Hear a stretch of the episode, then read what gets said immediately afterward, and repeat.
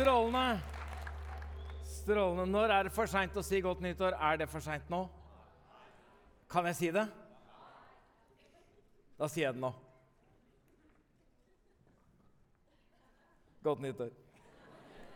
Jeg bygde opp til noe der som ikke kom. Eh, når det skjer noe sånn helt uforståelig, uforklarlig, utrolig, så er det en naturlig respons å si Hvem i all verden? Eller hvor i all verden er det? Eller hvorfor, hvorfor i all verden skjer det? Eller rett og slett bare enkelt Hva i all verden? Og da tenker du at nøkkelordet er verden, for det er ikke så enkelt som det høres ut som. For da vil jo noen spørre hva i all verden mener du med verden? Mener du da den synlige ytre verden, altså hele universet, hele skapningen, alle land, hele mennesket? Er det det du mener? Eller mener du den usynlige verden, altså den ytre usynlige verden, som vi vet er der ute, som vi ikke ser, og som er her inne, som vi ikke ser, som har noe med ånd og sjel å gjøre? Eh, er det den himmelske verden, eller er det den djevelske verden? Hvilken verden er det? Ja, men hva i all verden? Det er rett og slett bare det jeg vil vite.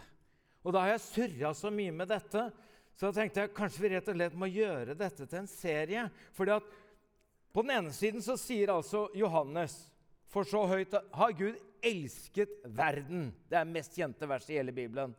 Og så skriver samme Johannes Elsk ikke verden.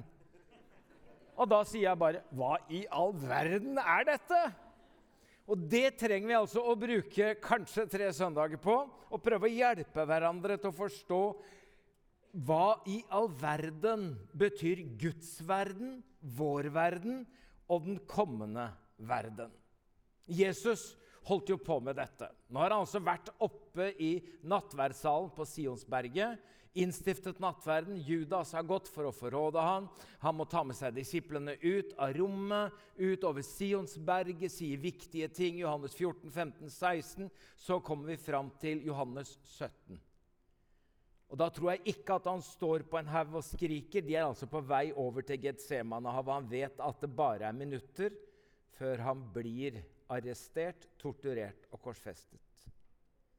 Nå har han behov for å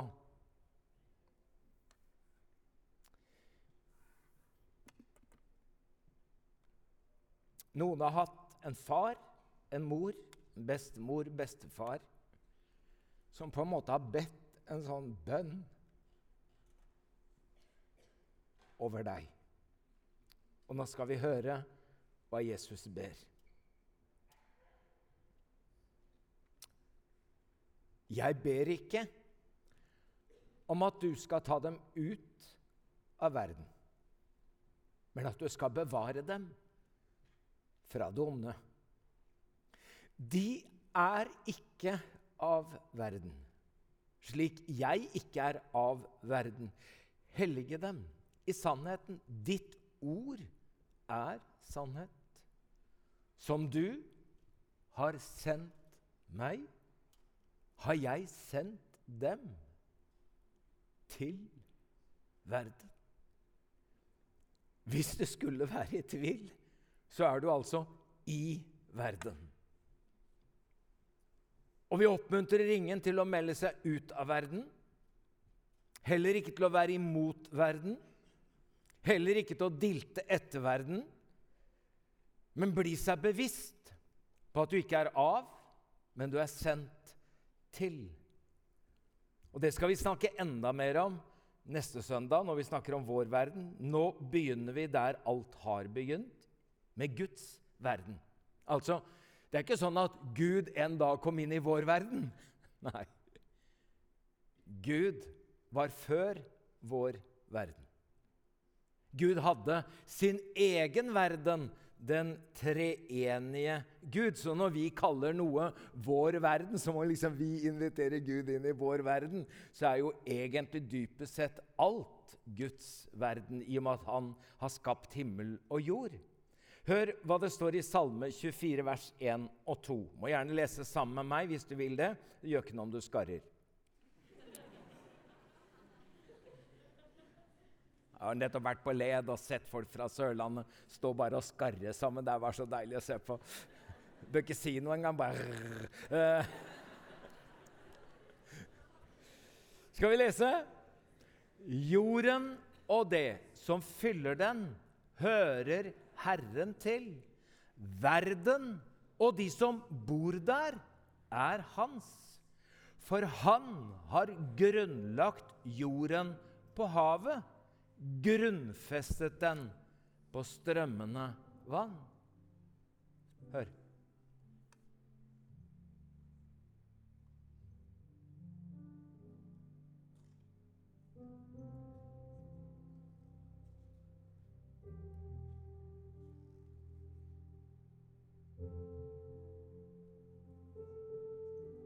Det er den. What a wonderful world en kar i kjerka her som heter Frank. Frank Riktor. Sender meg av og til en mail med et bilde. Han ser noe som jeg ikke ser. Men når han viser meg det, så ser jeg det også. Hvor vakkert det er, det Gud har skapt.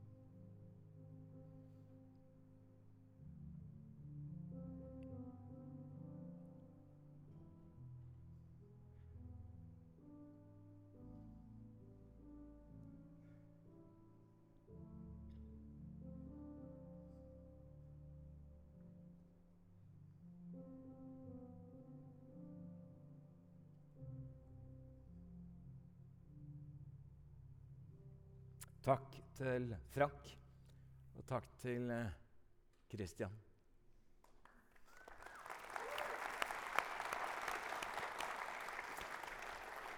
Vi lever livene våre ut ifra litt ulike fortellinger som har preget oss, hva som har hendt hos nære og litt fjerne og litt store og små idoler og sånn. Eh, men vi som er kristne, vi tror på den store fortellingen den som går som en rød tråd gjennom Bibelen. Og så prøver vi å forstå vår lille historie opp imot denne store historien. Og så ønsker vi at denne store historien skal forme oss og prege oss og ha betydning for de valgene vi gjør. Og den store historien den handler da altså om skapelse, om fall, om frelse og gjenopprettelse. og Det blir da rammeverket for denne serien om verden. Og Da begynner vi jo med der alt har begynt. Vi sier jo i trosbekjennelsen 'Jeg tror på Gud Fader, den allmektige, himmelens og jordens skaper'. Og denne Gud tror vi er fra evighet til evighet. Du vet, Når vi har oss selv som utgangspunkt, så tenker vi ja, det er ikke så vanskelig å tenke seg at det er uendelig framover. Men det er vanskeligere for mange å tenke at det er uendelig bakover. For det må da vel ha begynt på et eller annet tidspunkt. Og da tror noen at det er veldig enkelt å være ateist. Men det er ekstremt vanskelig å være ateist. For det må jo ha begynt en gang også for ateister. Selv de partiklene som kanskje var der, må jo ha begynt en eller annen gang. Så det er liksom endeløst den veien også. Eller som den kjente ateisten Darwin sier, at vi venter Nei, eh, unnskyld, Richard eh, Dawkins sier vi venter på en ny Darwin som kan fortelle oss hvordan noe kan komme ut av ingenting. Og Det skjønner vi er vanskelig. Sånn at det er på mange måter lettere å være en troende. For da begynner det med en som ikke har noen begynnelse. Altså en som er fra evighet til evighet. Og da er kanskje dette den viktigste setningen i hele verden. Jeg behøver ikke å vite detaljer på hvordan. Og jeg behøver heller ikke å vite detaljene om når. Jeg bare vet at det fins en mening, en tanke, et hjerte, en plan bak alt det skapte. Derfor så har jeg egentlig litt sånn sans for Per Fugelli. Jeg hadde gleden av å møte han, og så lagde vi et program sammen. Og Per var en ganske høyt tenkende og høyt snakkende ateist. Men så fikk han kreft, så de siste årene sa han at ting forandret seg litt. Han sa bl.a. at å blø eh, mening er farligere enn å blø blod. Gud, jeg vet at du er der, men jeg tror ikke på deg. Og Da sa han at da vet jeg at det avkrever en forklaring. Og så sier professoren i sosialmedisin Hver celle i kroppen min forteller meg at det må finnes en Gud. Men jeg finner han ikke. Er det mulig å finne den evige Gud, han som er det levende er? Derfor har Gud kommet, skapt en møteplass. Så jeg tenkte hvis jeg skal si noe om Guds verden, så må jeg ta utgangspunkt i det enkle, der hvor Gud kan møte oss. Altså i det som er verden for oss. Og da begynner det med Ånden og Ordet. Det møter vi allerede i det første, andre og tredje verset. For i begynnelsen skapte Gud himmelen og jorden. Jorden var øde og tom. Mørket lå over dypet. Og så står det Guds ånd svevde over vannet. Da sa Gud.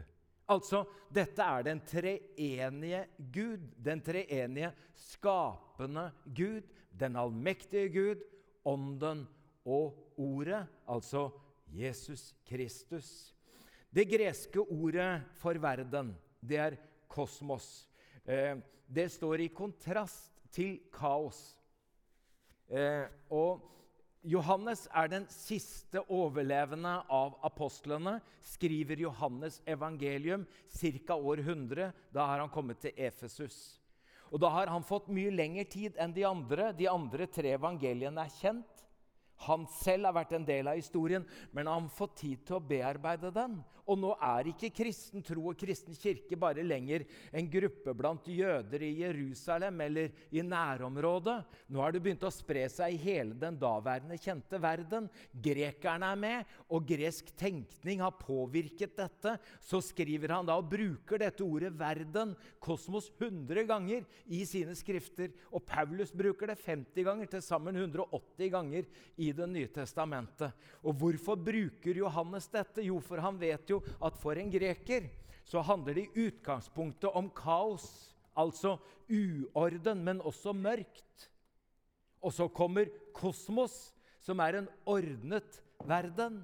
Og så bruker Johannes disse uttrykkene og presenterer logos, som er ordet, som også står for fornuft, logikk og det som er logisk. Hør her, da. Dette er vakkert, folkens. Nå har han altså tenkt nå har han bedt, nå har han sett. Det går en linje fra skapelsens morgen. Og så ser han at Jesus kommer.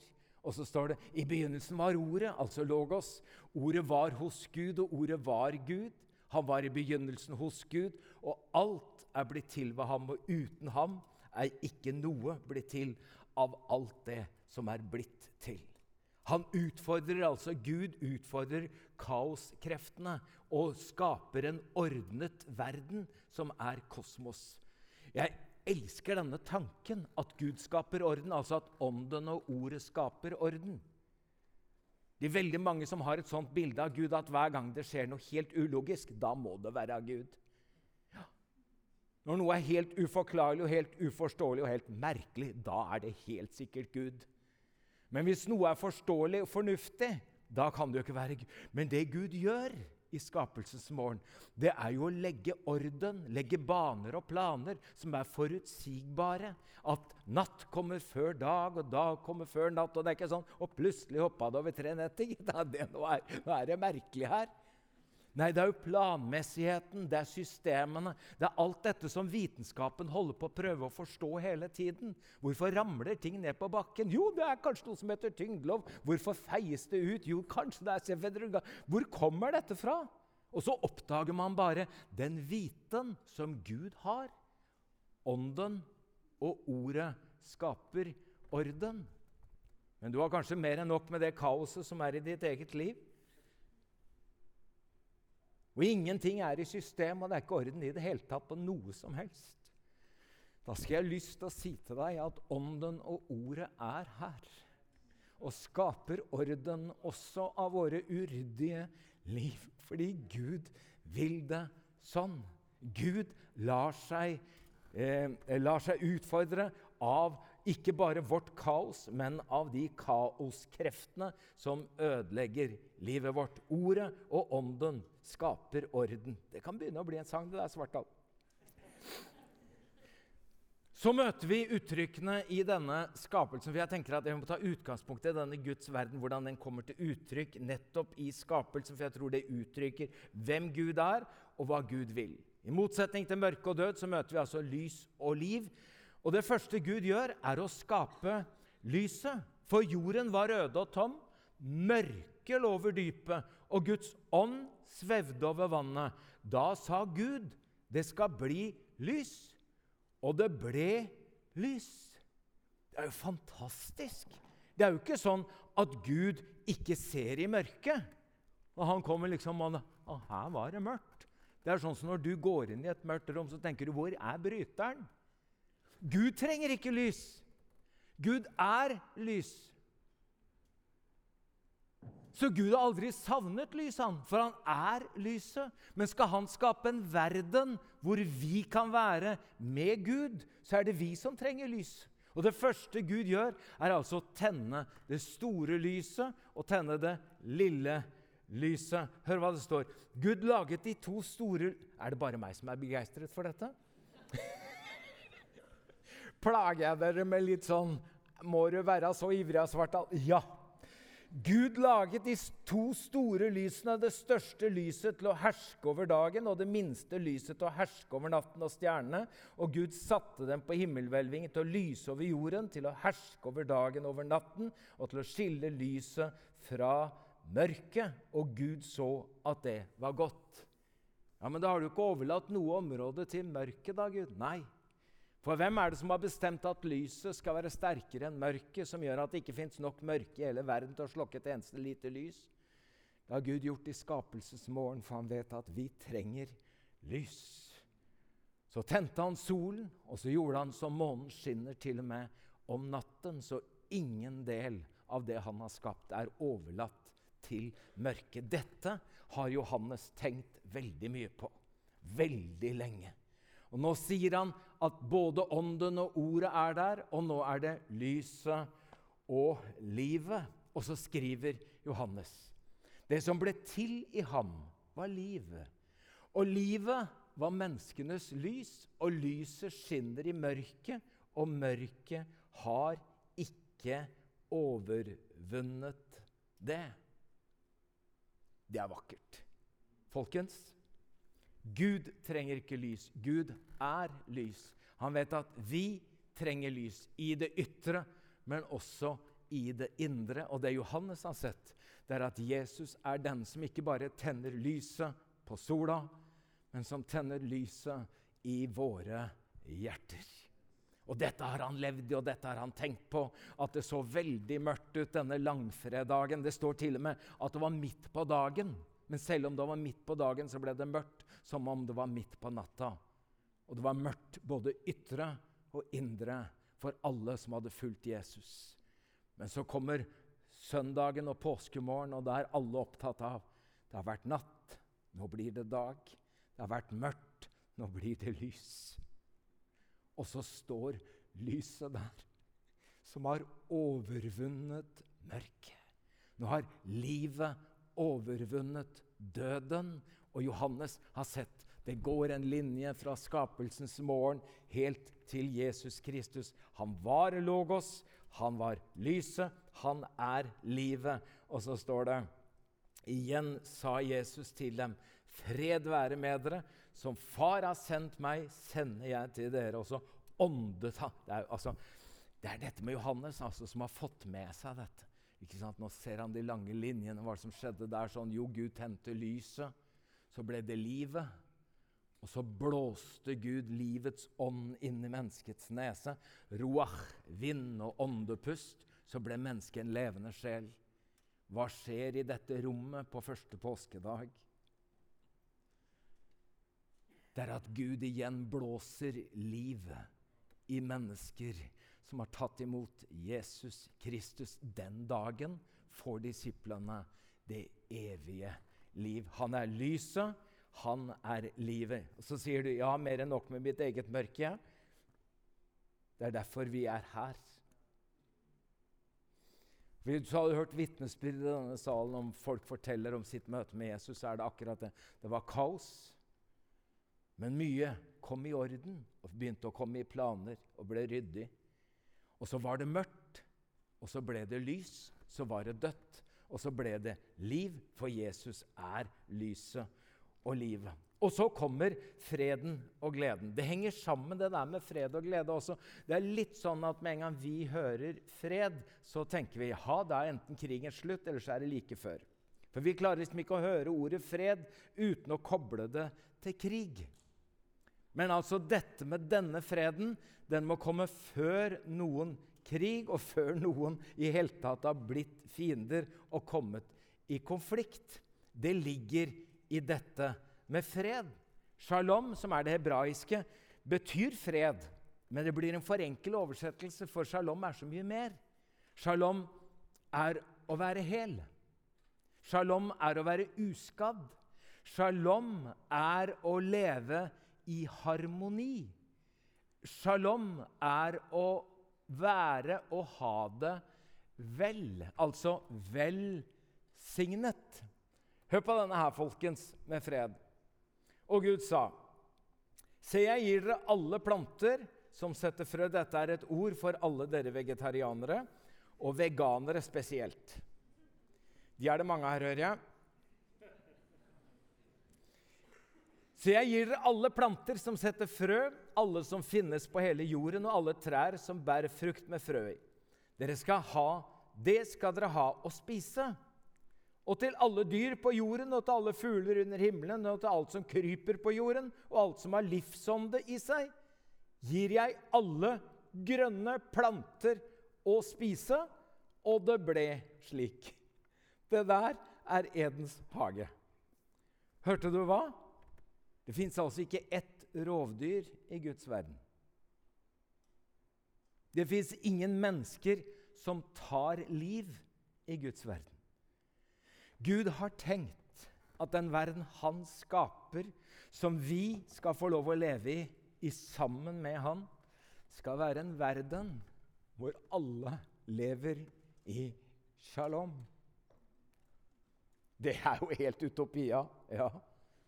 Og så spør vi hvor Gud er. Han har spurt lenge hvor vi er. For det er jo akkurat det Gud ville. Han ville at alle arter, både dyrearter og mennesker, skulle være trygge og leve i denne harmonien. Mennesker imellom, dyrearter imellom, løve og lam som beiter sammen. Det er jo nettopp det som er det store mangfoldet, men som lever sammen i trygghet. Jesus minner oss om dette, at det fins en fred som verden ikke kan gi oss.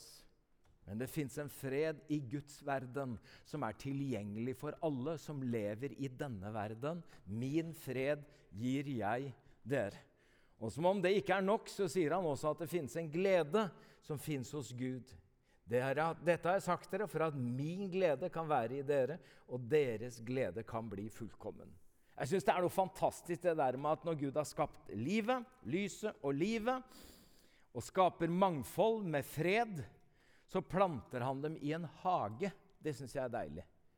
Det kunne jo vært sånn at han satt dem i en ørken og sagt nå får dere se om dere klarer å overleve. Eller han kunne ha skapt oss første dag istedenfor siste dag og sagt at vi har mye å gjøre, så stå på. Men det er noe med at Gud skaper, og så lager han en hage, og der planter han mennesket.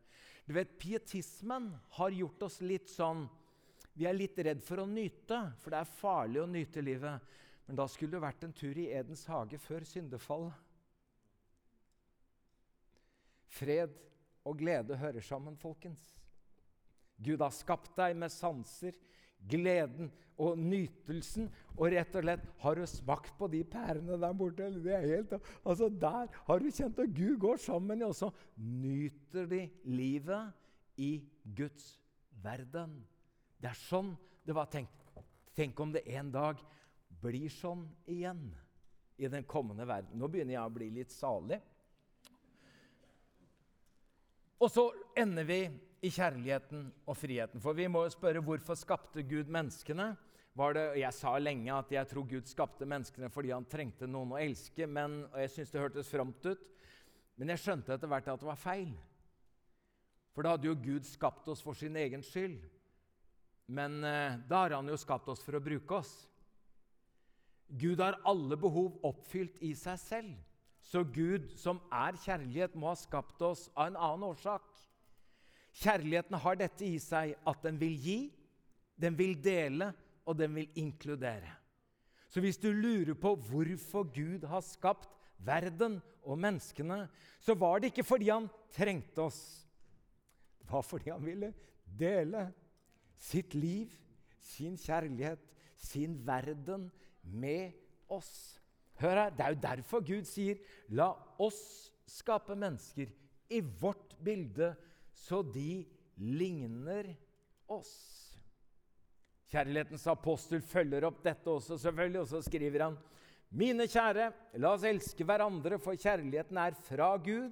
Og hver den som elsker, er født av Gud og kjenner Gud, og den som ikke elsker, aldri kjent Gud, for Gud er kjærlighet. Da vet vi altså at Gud ved ånden og ordet har skapt orden, at han ved lyset har skapt livet, som skapte freden og gleden. Og vi er skapt av kjærlighet. Da mangler vi bare én ting. Det er frihet. Og kjærligheten har dette i seg at den må elske med åpne hender. Vi tror ikke på tvangskjærlighet. Så når Gud har gitt dem Edens hage til å leve liv i mangfold og shalom, så må det allikevel finnes én mulighet hvis jeg har et fritt valg, så må jeg ha en mulighet. Det er ikke sånn at nå er det politisk valg igjen, men det er én kandidat.